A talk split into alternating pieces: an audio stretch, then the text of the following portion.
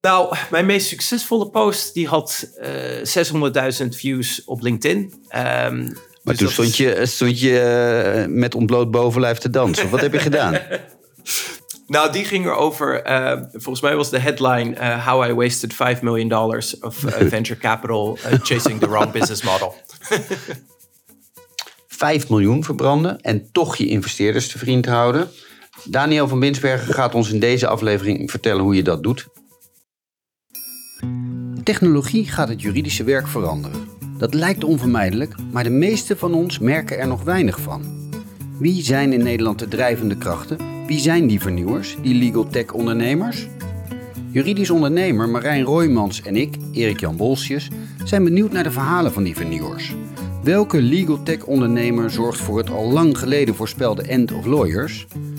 Of komt dat einde er niet en leveren de legal tech startups vooral nieuwe en andere diensten dan de traditionele jurist?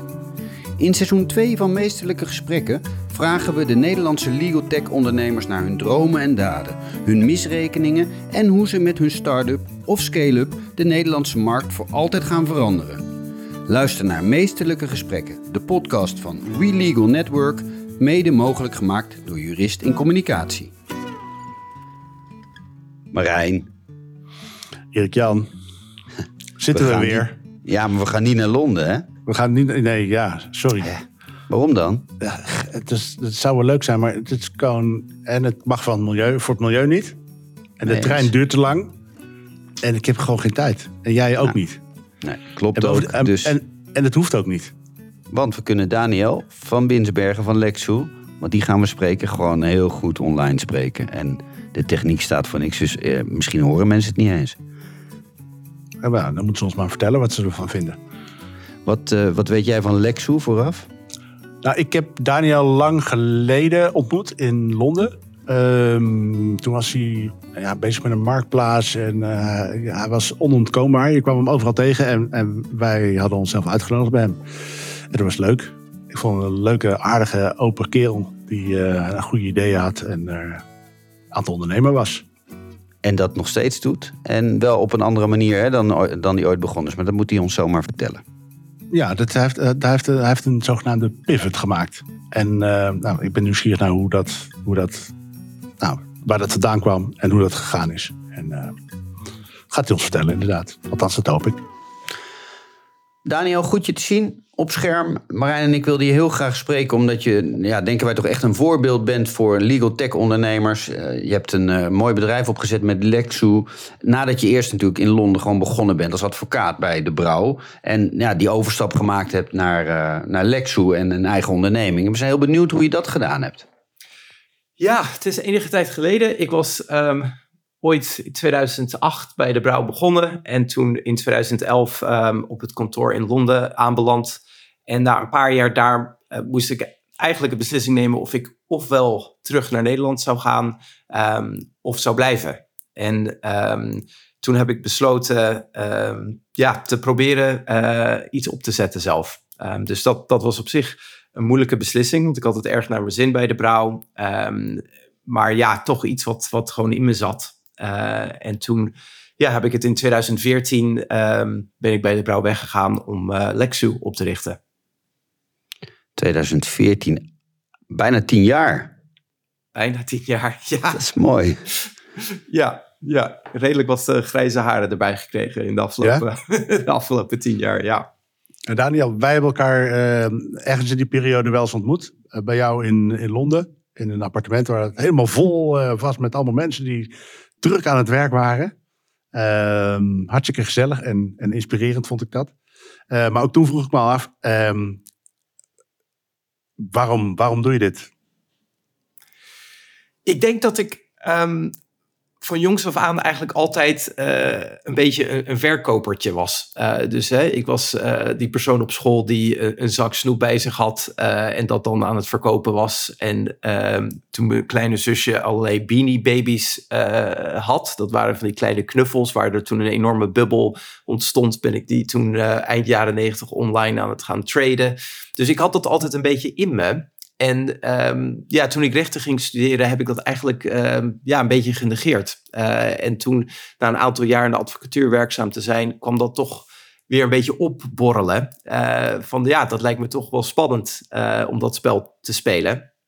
En um, ja, het is, het is niet altijd economisch. Hè? Zeker in de begindagen als ondernemer verdien je natuurlijk een stuk minder dan als advocaat. Het is ook een veel minder zeker vak. Um, maar ja, het, het, zat in me en ik dacht, uh, ik, ik heb toch uh, wat regret, uh, of daar was ik bang voor, dat als ik het niet zou doen. Ik was je kon het eind... niet laten, het moest eruit. Ik kon het niet laten, ik kon het niet laten. Nee, prima, is... prima reden. En met wat voor idee ben je gestart, Lexoel? Want het was anders dan je nu doet, weet ik. Maar dat ja. moet je maar even vertellen. Ik was begonnen met een, een soort idee dat het een, uh, een Airbnb voor lawyers zou moeten zijn. Uh, dus dat je MKB'ers uh, die op zoek waren naar een advocaat, konden op het platform een job posten. En wij zouden dan met ons algoritme drie um, advocaten uitnodigen om daarvoor te quoten. En dan kon je vervolgens de reviews zien. Uh, binnen een dag had je dus drie quotes. Je kon dan messagen en dan kon je uiteindelijk met een van die lawyers uh, in zee gaan. En de pitch was toen de tijd van dit zijn ex-big law lawyers. Dus je krijgt uh, hele gespecialiseerde juristen tegen een veel beter fixed fee tarief. Dus daar waren we mee begonnen. Ja. Klinkt fantastisch, toch? Wel ook, ja. ook een, een, een behoorlijke uitdaging, maar klinkt fantastisch. Nog ja, steeds klinkt mij ook heel logisch, maar er ging toch iets niet goed? Nee, nee de grap is um, dat het, uh, het werkte in de zin dat de klanten heel erg blij waren. De lawyers waren heel erg blij, um, maar de investeerders niet. Um, dus wat ik heb geleerd is dat je soms een hele goede oplossing hebt voor een probleem, maar dat het niet mogelijk is om genoeg te verdienen aan die oplossing. Om, om het een soort ja, sustainable business te maken. Dus we gaven ja, veel te veel uit om klanten uh, te winnen. En wij, het verdienmodel was dat we 15 tot 20 procent eh, commission um, verdienden. En dat is op zich prima als er heel veel repeat business is. Um, en ik denk bij Airbnb, ja, iedereen wil naar een nieuwe plek met vakantie. Dus de discovery value van een marketplace die, doet, die komt steeds op, elk jaar. Uh, maar bij een advocaat is het vaak het tegenovergestelde. Dus die heb je maar één keer nodig. Dat is slecht ja, nieuws. En dan wil je blijven. Ja, ja. ja, En dan is die klant ook via zo'n platform nog op zoek naar de laagste prijs. Dus daarmee is jouw marge weg. Of vul ik dat verkeerd in? Ja, dat is ook zo. Dus uh, dat kleefde altijd een beetje aan die marketplace. Dat er uh, een soort race to the bottom zou kunnen ontstaan. Ja. Um, maar goed, zelfs als dat niet was gebeurd, ik denk dat het uiteindelijk te duur was om uh, zakelijke klanten um, zo snel te winnen. Um, om, om een beetje de growth appetite van uh, venture capitalists bij te houden. Dus ja. ik, had, ik had in 2020 ja. het gevoel, kan ik nog een, uh, we hadden toen denk ik ongeveer 6 miljoen euro opgehaald tegen die tijd. En toen dacht ik, kan ik nog uh, een volgende ronde ophalen. En ons, uh, ja, we burnden ongeveer 125.000 pond per maand. Dus, uh, oh. dus ja, je hebt dan steeds meer geld nodig. en dat, dat betekent dat je een groeipercentage moet hebben van ongeveer 20% maand op maand. En, de, en da, daar kwamen we gewoon niet meer aan. Ja. Um, dus toen moest ik een hele moeilijke beslissing nemen om iets nieuws te bedenken. En intussen ook die investeerders nog uh, tevreden houden of, of althans van je lijf houden. Dat lijkt me bijna te zware verantwoordelijkheid. Hoe heb je die gedragen? Ik denk dat ik, dat ik oorspronkelijk de fout maakte uh, toen we die grote Series A ophaalden in 2018. Um, ja, je, je pitcht een verhaal waar uh, je dat, dat moet je met verven doen. Uh, dat verkopertje in jou? Dat ja, kan je goed. Ja, ja. ja precies. Die, die investeerders krijgen denk ik 500 pitch decks uh, per jaar te zien. Dus daar, ja, en ze maken 10 investeringen. Dus je moet eruit springen. Dus je moet met heel veel zelfvertrouwen zeggen, dit werkt. En we gaan het nu opschalen. En we gaan hè, van 1 miljoen omzet nu naar, naar 8 miljoen. En wil jij dat financieren? Als je dan zegt van, nou ja, we weten nog niet precies hoe dit allemaal gaat werken. En we moeten we bereid zijn om nog een pivot uh, te doen. En we gaan het rustig aandoen. Ja, dan, dan spring je er niet uit. Uh, dan gaan dus ze niet mee met je. Nee. Het risico is dat op een gegeven moment uh, doe je die pitch zo vaak dat je het zelf gaat geloven. Ja, ja, ja. Dat dus dan denk je, ja, dit, dit werkt inderdaad en laten we het opschalen. Uh, dus ja, we zijn toen het team gaan groeien van uh, 8 naar 25 personen. Uh, je hebt een middle management layer. En als CEO ben je steeds verder weg van het, uh, het probleem. Ehm, je ziet wel hè, in, de, in de, de cijfers aan het einde van de maand, dit gaat niet helemaal volgens plan. Uh, en tegelijkertijd zit je dus de watertrappelen naar die investeerders toe van nee, er zijn green shoots, er, komen dingen hè, down the pipeline. En kan altijd. Uh, maar op een gegeven moment had ik een soort stemmetje in mijn hoofd van ja, dit, dit geloof ik zelf niet meer. En toen heb ik ja, vol, volkomen open kaart gespeeld. Ik zeg tegen die investeerders, ik ben niet blij met onze growth rate en met onze unit economics. En zei ja, wij ook niet. ik zeg nou mooi dan zijn we wat dat betreft aligned. En toen zei ik, ja, ik denk niet dat het, hè, het replacen van de head of sales of de head of marketing, eh, dat dat het oplost. Ik denk dat het fundamenteler zit. Dus we moeten daar een beter businessmodel toe. Wow. En wat zeggen, wat zeggen die investeerders dan? Nou, dat is dan toch even slikken. Uh, maar aan de andere kant zagen zij ook wel dat wij niet de hoogste growth rate in hun portfolio hadden. Dus eh, ergens is het ook een beetje een relief van de CEO ziet het zelf ook in. Ja, ja. En, en, Dan, en hoe gaat hij het oplossen? Want dat wilden ze dan ook wel even horen. Ja, hoe gaat hij het oplossen? en, en, dat, hoe deed hij dat? Nou, ik wilde niet uh, opnieuw dezelfde fout maken door maar iets anders te bedenken en zeggen, ja, dit weet ik nu weer zeker. Uh, dus we gaan nu al de, het hele team hier achter zetten. Dus ik zei, ja, we moeten een, periode van uh, onderzoek in, uh, waar ik met 50 general counsel om de tafel wil zitten. Die wil ik interviewen en ik wil een heel breed palet te horen krijgen van ze, van waar, waar zitten ze mee? Wat zijn de problemen? Wat is wat gaat er mis in de juridische dienstverlening? Wat is annoying? Uh, wat zijn voorbeelden van hè, de beste uh, juridische oplossing die ze hebben gezien? En daar zou dan een beeld uit moeten ontstaan van, nou ja, dit zijn de problem areas. En uh, kunnen we daar met onze skillset, want dat is dat we hè, en juridisch sterk zijn en ehm, dat we developers hebben, iets nieuws maken. Dus nou, daar hebben ze me toen een paar maanden de tijd voor gegeven. En daaruit is toen ons nieuwe uh, businessmodel gekomen. Ik kan me voorstellen dat het jaren van je leven kost, uh, zo'n heel traject. ja. hoe, hoe, hoe, deel je daarmee? Um, ik denk eh, dat ik het in het begin een stuk moeilijker vond. Omdat mijn identiteit heel erg verbonden was aan het zijn van een, een succesvol ondernemer. En uh, ik ben nu ja, wat, uh, wat ouder en hopelijk wat wijzer. Dus ik heb het gevoel dat het uiteindelijk allemaal niet heel veel. Ja, nou ja, het maakt heel veel uit, maar dat er ook heel veel andere dingen zijn die. It doesn't define you. Ja, misschien. Ik heb nu ook een kind. Um, dat, dat helpt ook. Dus ja, het is eigenlijk perspectief hebben um, dat een, een, mensenleven veel meer is dan het, uh, het leiden van één bedrijf. Uh, dus ik denk, ja, mocht dit nou uiteindelijk niet lukken, um, dan probeer ik het nog een keer. En dan heb je ervan geleerd en ga je verder. Uh, dus het, het relativeert. Het relativeert. Ja, je hebt leren relativeren. Uh, kort, ik weet dat Marijn uh, er altijd minder geïrriteerd is. Ik wil het toch weten, wat was nou plan 2 of plan B of het nieuwe Lexu? Nou, waar we achter kwamen is dat wat de marketplace oploste was prijs en discovery. Hè, met wie uh, ga ik in zee? Maar waar klanten uiteindelijk uh, ja, of heel blij of heel ontevreden van worden, is de dienstverlening zelf. Dus ik dacht, wat we ook doen, ik, ik wil dichter zitten op de echte delivery van het werk. Je wilde dus zelf een dienstverlener worden, eigenlijk. Ja, maar dan in ieder geval tech-enabled. Uh, dus we, we, hebben ons toen op uh, business as usual contracten gericht. Dus uh, procurement contracten, software licenses, et cetera. Dus waar, waar bedrijfsjuristen er maandelijks een paar van binnen krijgen.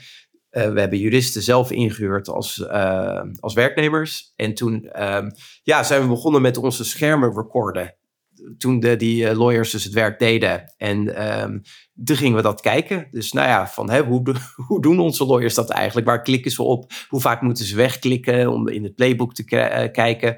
Toen hebben we dus steeds meer technologie gebouwd, uh, wat, wat in Microsoft Word leeft, om dat efficiënter te doen. En wat vinden de investeerders inmiddels van Lexo? nou, dit is in het Nederlands, dus ik kan, ik kan denk ik heel eerlijk zijn. Ik denk dat zij zeggen, moi, moi.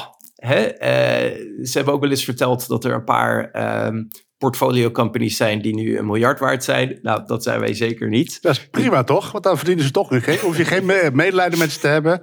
Helemaal goed. Ja. Maar ja, uiteindelijk kijken ze toch uh, naar omzet. En we, ja, we zijn er al sinds 2014. En vanwege al die verschillende paden die ik heb bewandeld, uh, ja, zijn we niet op het niveau die sommige bedrijven die negen jaar geleden het juiste model hadden gekozen zijn. Ach, je bent er nog wel.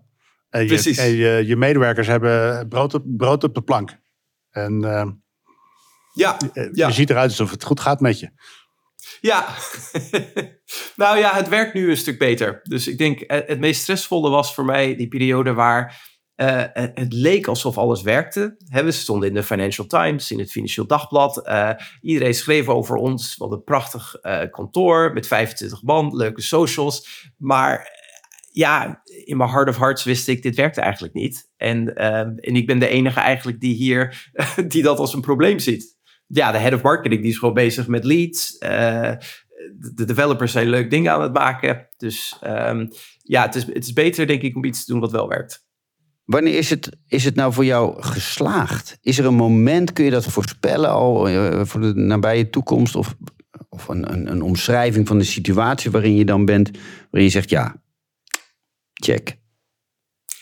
Voor, voor mijn gevoel is het meer dat, dat je product market fit vindt. Dus dat is een beetje een technische start-up term. eh, die betekent, eh, je hebt een product dat iedereen heel graag wil. Nou ja, dat is problem solution fit. Dat had ik de vorige keer ook. Iedereen wilde het graag, maar het, het was niet sustainable. Maar dat, je, dat het dus ook werkt qua ehm, ja, groeipercentages. Dat, eh, dat alles een beetje makkelijker gaat. Ehm, en dat je de win mee hebt. En ik denk dat, dat op die manier ondernemen eh, ook weer een andere skillset vergt. Hè, iets opschalen naar een paar honderd man, eh, omdat alles werkt en daar dus het, het maximale uit te halen. Ehm, dat, dat, dat is iets wat ik ook moet leren, dus daar kijk ik erg naar uit. Eh, toen ik de vorige keer opschaalde, een beetje opschaalde naar 25 personen, moest ik dat toch nog een beetje hè, de boulder uphill duwen, eh, de rots naar boven duwen, omdat eh, ja, het allemaal net niet goed ging. Ehm, dus ik kijk er erg naar uit. Ik heb daarom ook het team nu wat kleiner gehouden. We zijn nu tien man, totdat alles echt goed werkt. En, en, en dat we dan weer flink kunnen groeien. Ehm, en ik denk als, als dat lukt, dat dat voelt als succes. Herkenbaar, ja. Ik Kan me, volgens mij is de, het beeld wat de buitenwereld heeft over ondernemers... Is, is juist dat beeld van dat opschalen waar jij naar verlangt. Eh, en het, het, eh, eh, dat rotsblok de heuvel opduwen... daar denkt bijna niemand aan als hij voor zichzelf begint. dus dat is eh, grappig om te horen. En als je zegt eh, honderden mensen, dan is dat ook je doel? Nou, ik denk niet meer. Ik denk toen ik begon in 2014 had ik eh, zo'n, ja, een soort beeld van hè, een eh, tech-startup waar dan honderden mensen werkten met een pingpongtafel en heel anders dan de advocatuur. Ehm, dat heb ik niet meer als doel. Ehm, dus ehm, ik heb ook geleerd dat ik het innoveren zelf erg leuk vind en het eh, oplossen van problemen. Maar het per se managen van een eindeloze reeks middelmanagers, eh, ja, daar bleef ik minder lol aan.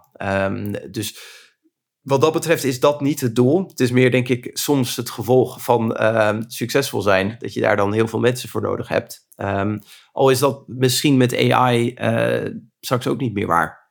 Ehm, we hebben nu al voorbeelden binnen de business waar ik dus in de vorige incarnatie van Lexu eh, een team van zeven man voor had. En dat dat nu eigenlijk niet, eh, niet meer nodig is. Niet per se vanwege AI, maar door het gewoon net op een andere manier aan te pakken.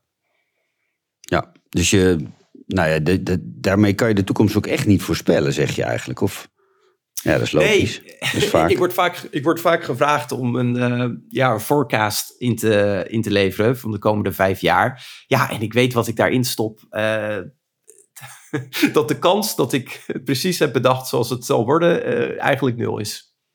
Nee, dus dus jouw, jouw ideeën over die, die legal tech, die, ja, die juridische markt en, en dan vooral de technische kant daarvan.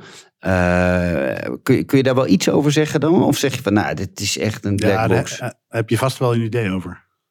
Kan. Ja, daar, daar heb ik zeker een idee over. Ik, ik denk de vorige lichting legal tech companies, die, eh, waaronder ook Lexu, eh, die hebben eigenlijk niet ingeleverd op, eh, op de promise. Hè, dus er, er kwam best wel veel geld in de markt in 2015, 16, 17. En eh, iedereen dacht, dit is de nieuwe fintech. En ja, er is eigenlijk niet heel veel van overgebleven. En ik denk dat wat dat betreft de juridische markt gewoon anders werkt. Hè, het, het Namelijk? duurt langer. nou, het is, het is moeilijker eh, eh, te verkopen. hè, want ze zijn voorzichtiger. Juristen die letten toch een beetje op van, nou, hoe kan het allemaal misgaan?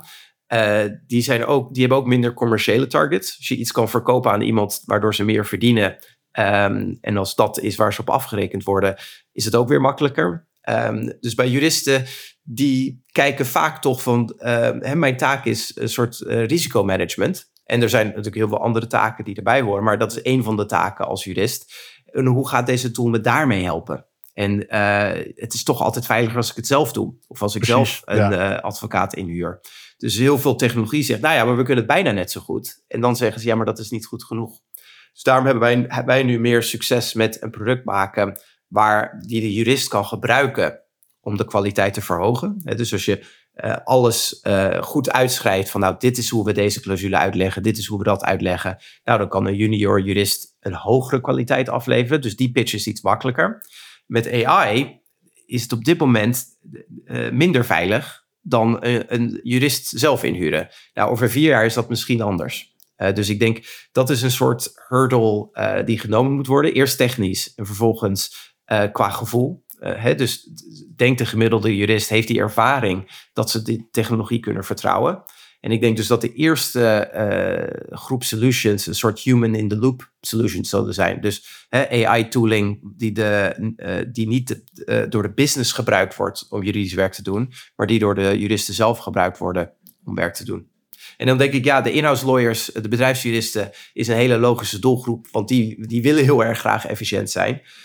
De grote advocatenkantoren, denk ik, die, die, die ontkomen er niet aan om het ook te proberen. Maar ja, als die hun businessmodel zouden aanpassen. Um, dus ik denk dat en eh, vaak eh, geven ze capped fees. En dan denk ik, ja, je moet het fixed fees maken. Want uh, vergeet nou gewoon die uren.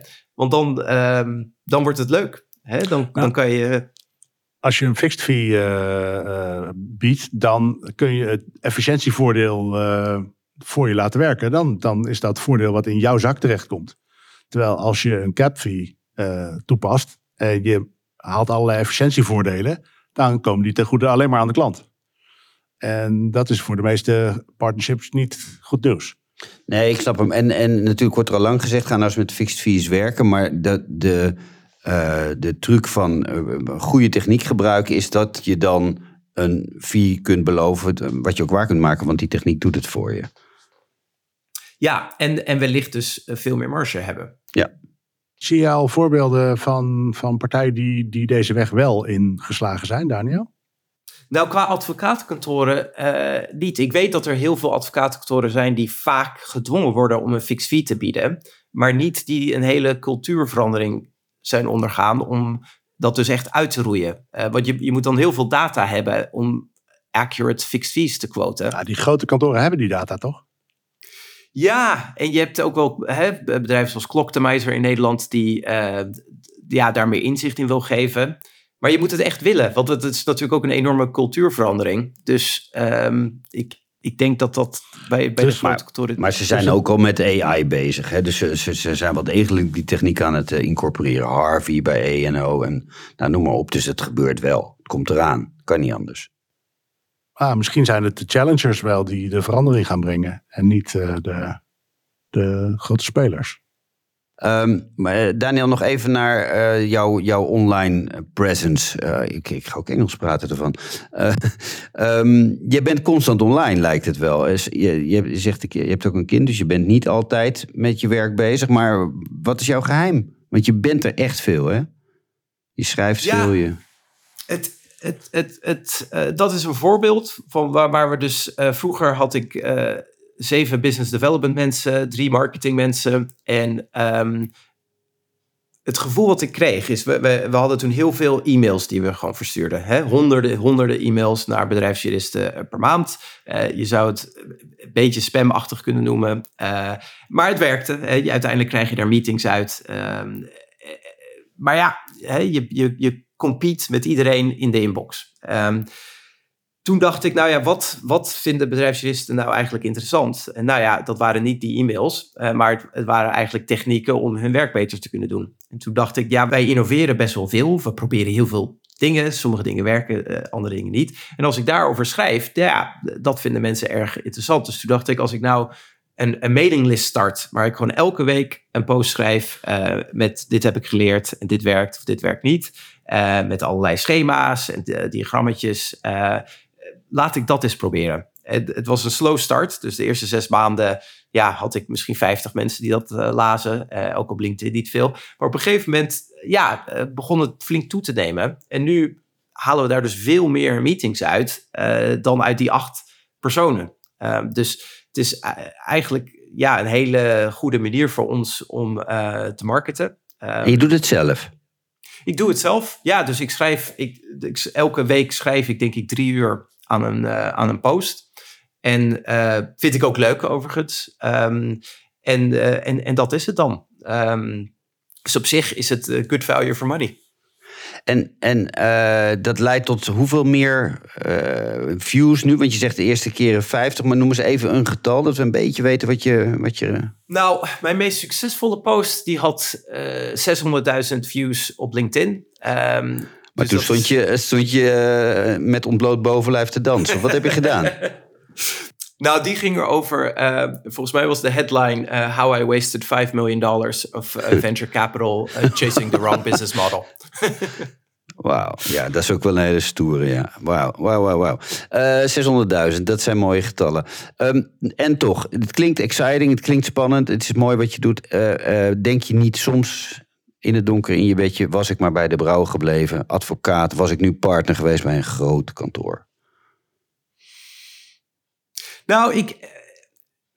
Eerlijk. Ik, ik, ik moet er wel eens over nadenken, omdat uh, mijn intake, hè, ik was in 2008 begonnen, die, die zijn inderdaad nu partner. Dus uh, ja. hè, toen ik wegging, was die afweging er niet. En nu ja, is het er een heel duidelijk uh, pad dat ik kan zien van, nou ja, daar, daar had ik ook kunnen zitten. maar ik denk dat ik dat, dat gewoon niet kan. ik, ik, ik denk niet dat ik hireable ben meer. Um, ik ben het te gewend, denk ik, om uh, mijn eigen ding te doen. En om als ik iets wil veranderen, dat ik dat gewoon kan doen. Dat ik dus niet weet, kan ik nog op die manier met een grote partnership samenwerken. En uh, ja, elke dag uh, voor klanten uren schrijven, zeg maar. En ik weet dat partners veel meer doen hoor. Um, dus, um, maar ik, ja, ik denk dat ik gewoon qua persoonlijkheid niet, niet daarvoor geschikt ben. misschien nu niet meer, maar ik, kan me, ik kan me best voorstellen dat als je een beetje verkoper bent en je bent ook een, ook een goede jurist, dan ben je natuurlijk prima partnermateriaal. Ja, ja, maar ik weet niet of ik het leuk genoeg zou vinden. Um, dus uh, ik, ik vond het eigenlijk het leukst eh, bij de Brouw uh, als ik dan een nieuwe soort deal mocht doen. En dat ik dus weer die leercurve in, in moest. En toen kwam, ja, op een gegeven moment ben je senior genoeg dat je dezelfde soort deal weer opnieuw moet doen. En toen dacht ik, oh, maar, ja, maar deze snap ik al. En toen zei ze, ja, dat, dat, dat, dat is een beetje het idee. Um, dus daar, toen dacht ik, als ik dat nog uh, tientallen jaren zou doen, dan op een gegeven moment heb je al bijna alles gezien. Um, ja. Dat is niet jouw ding. Nee. nee. Duidelijk. Um, terugkijkend op de afgelopen negen jaar leren uh, en ontwikkelen. even de factor geluk in waar je nu bent. Hoeveel geluk zit er, ja, zit erachter? En misschien ook wel hoeveel hard werken? Ik denk dat geluk altijd heel erg meespeelt. Dus uh, toen ik in 2018 die ronde op had gehaald, hadden we een paar term sheets, maar niet heel veel term sheets. Dus stel dat uh, die ene partner van dat fonds uh, met vakantie was, ja, dan was het gewoon niet. Dus er zijn altijd van die momenten aan te wijzen van als, als, als het toen niet goed was gegaan, waren we er niet meer geweest. Wat ik wel geloof, is dat het mogelijk is om um, de oppervlakte van geluk, de surface area of luck. Dus hoe he, uh, kan je gelukkig worden of uh, kan je lucky, uh, lucky worden? Kun je het kan je wel beïnvloeden. Ja, ja, of je het kunt dus afdwingen. Ja, dus je kan, je kan heel veel dingen doen om te zorgen dat je je can get lucky.